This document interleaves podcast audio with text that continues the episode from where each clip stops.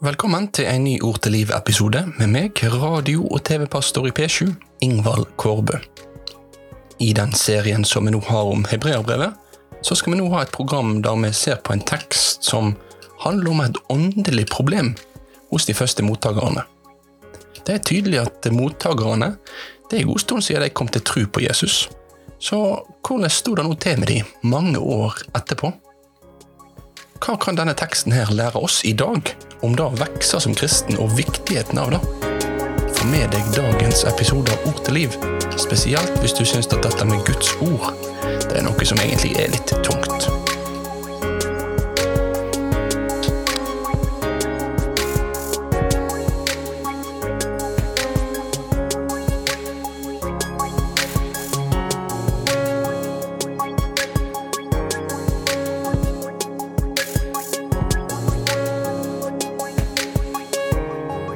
Er det avgjørende for et kristent menneske å vokse i tro på Jesus?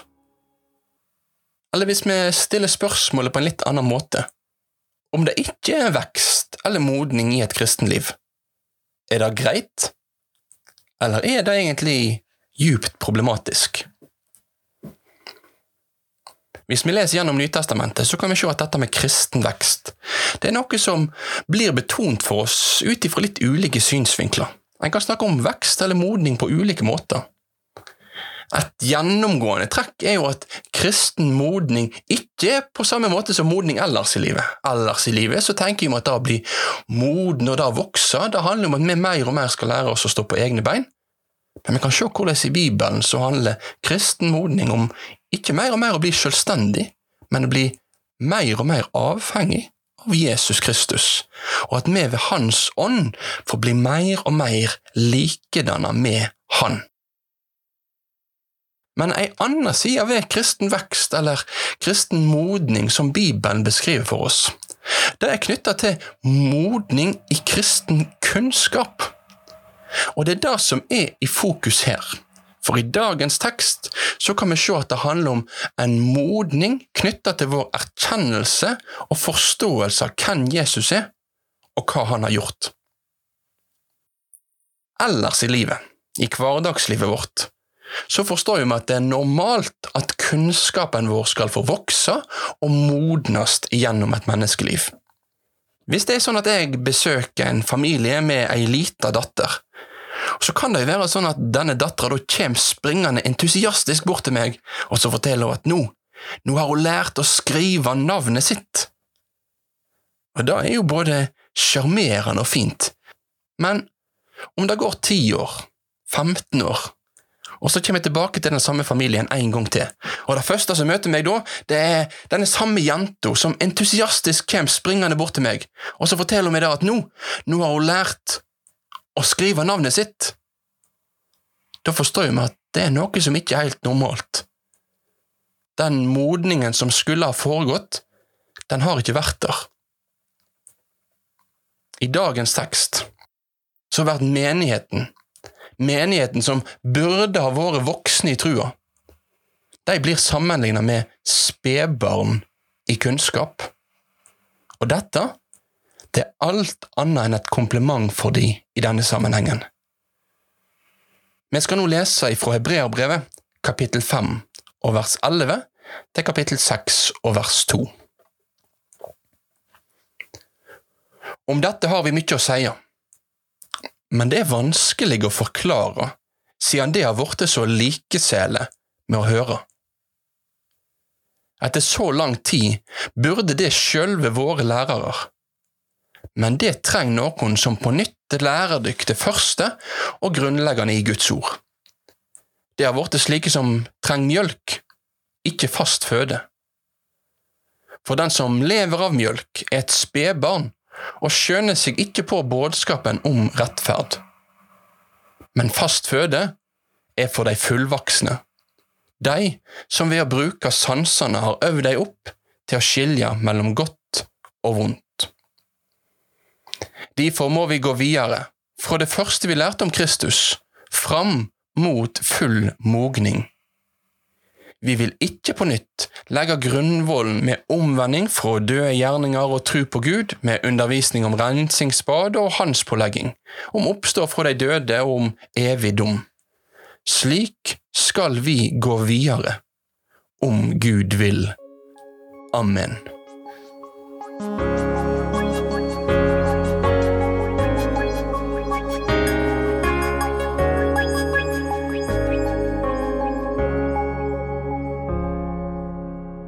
Forfatteren av hebreerbrevet skal nå til med å starte på en lengre utlegging om hva det vil si at Jesus er øverste prest på Melkisedeks vis.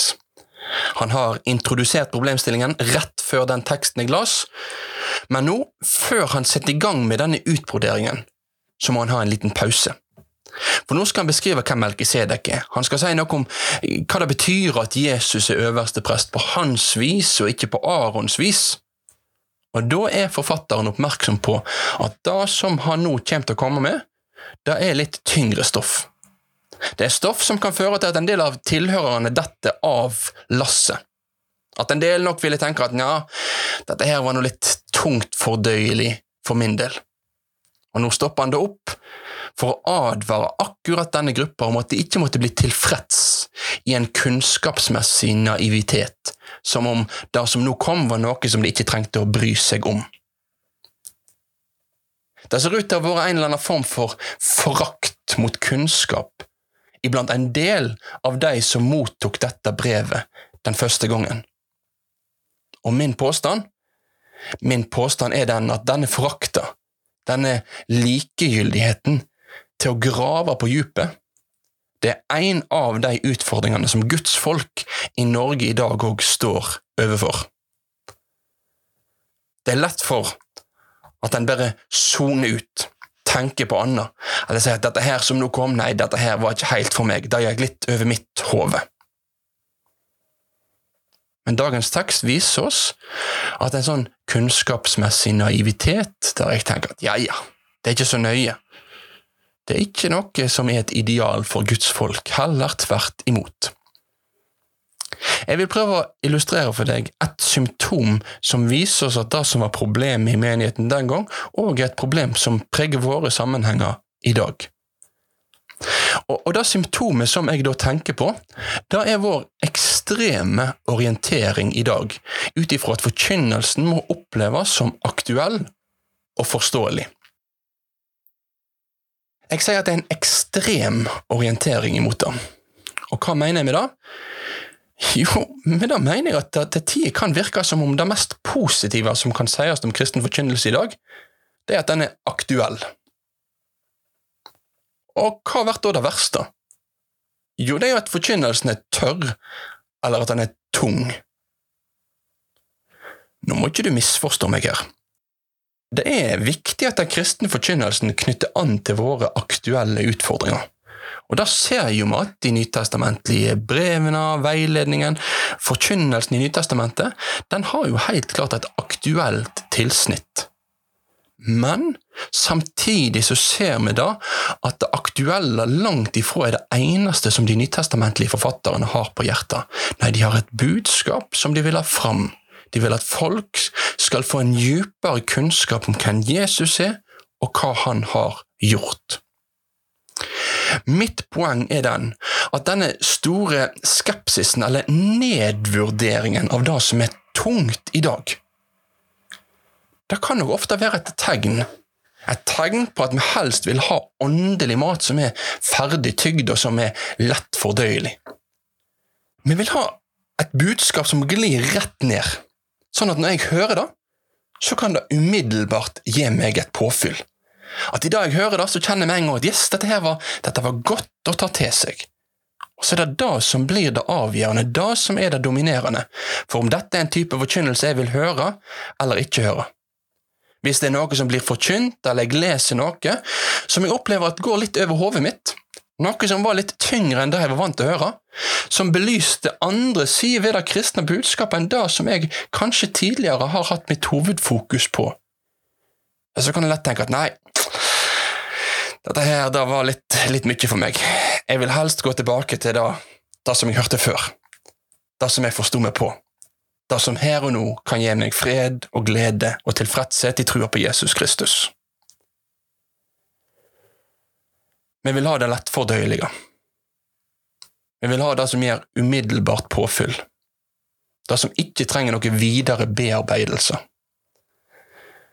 Og teksten vi las, den beskriver en forskjell, en forskjell mellom spedbarnsmat og voksenmat. Og det blir òg knytta opp mot det kristne budskapet.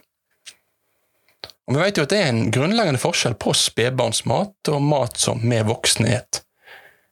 Melket som spedbarna syg, ja, den glir jo rett ned, for spedbarna har ikke noe tenner til å bryte ned klumpene med.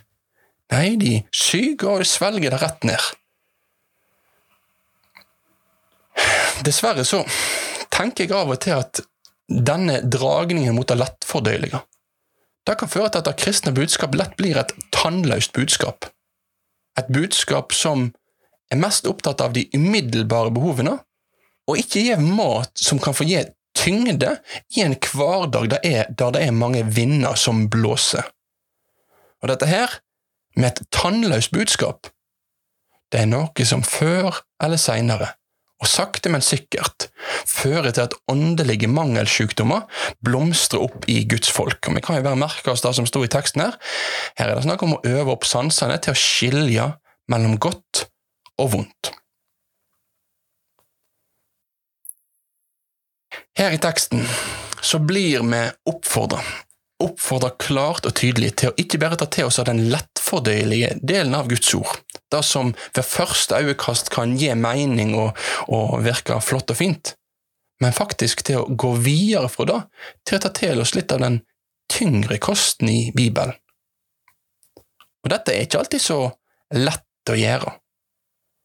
Det er ikke så lett alltid å ta til seg av det som oppleves som for tungt eller for avansert eller litt for djupt pløyende etter min smak.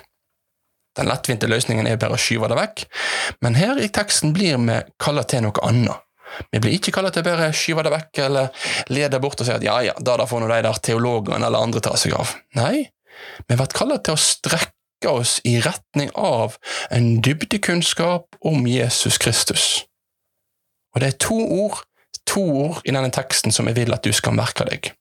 To ord som kan få være viktige nøkler for oss for hvordan vi i vårt gudsforhold òg kan gjøre oss mer og mer vant til å ete tyngre åndelig mat. Og det er de to ordene høre og øve. Høre kan vi begynne med. For problemet til mottakerne her, det var at eh, de hadde blitt likegyldige med å høre. Og det er jo sånn at hvis du ikke hører, hvis du konsekvent styrer utenom det som er tungt, og ikke lar tanken din brynes på det, ja, da er det jo klart at du blir likegyldig. Hvis du skal lære noe om Olav Tryggvason, ja, så må du jo lese om eller høre om Olav Tryggvason. Vil du lære om Jesus Kristus, ja, så går veien til kunnskap om Jesus via å lese og høre om Han i Bibelen så da var det første hør. Det er gjennom å høre og stadig vekk utsette seg for Bibelens budskap at vi òg kan få en djupere forståelse av budskapet i Bibelen. Det andre ordet som jeg ville vi skulle merke oss, det var ordet øv. I midten av teksten jeg las, så sto det men fast føde er for de fullvoksne, de som ved å bruke sansene har øvd de opp til å skille mellom godt og vondt. Det å øve opp ei åndelig dømmekraft. Det skjer gjennom å bruke våre sanser til å høre og til å lese Guds ord, og til å gjøre det over tid. Til å øve oss i dette her, dag etter dag, veke etter veke, år etter år.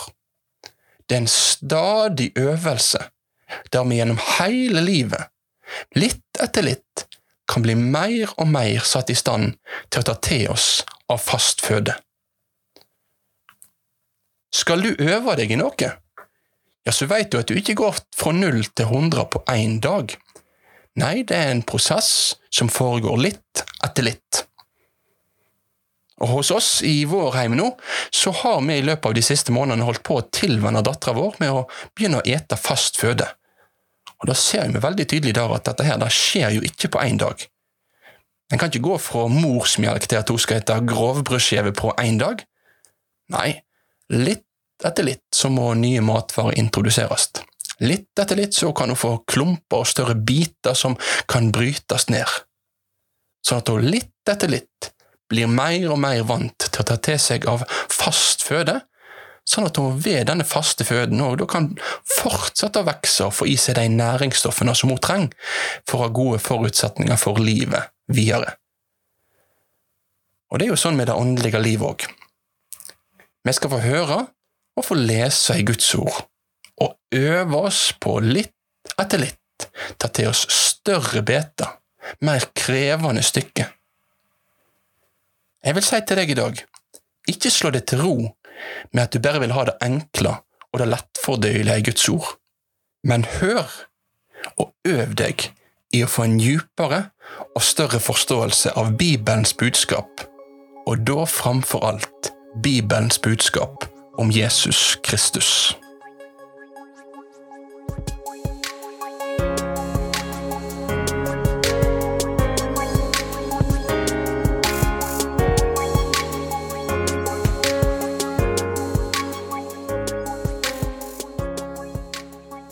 Da vil jeg si tusen takk for at du valgte å få med deg denne episoden av Ord til liv. Ord til liv er en podkast som er produsert av P7 Kristen Riksradio. Og Hvis du vil høre flere av våre podkaster, så kan du laste ned P7-appen eller besøke p7.no. Jeg vil ønske Herrens rike velsignelse over deg og ditt liv, og så er jeg snart tilbake med en ny episode. Hør Guds ord, og øv deg i å ta det til deg.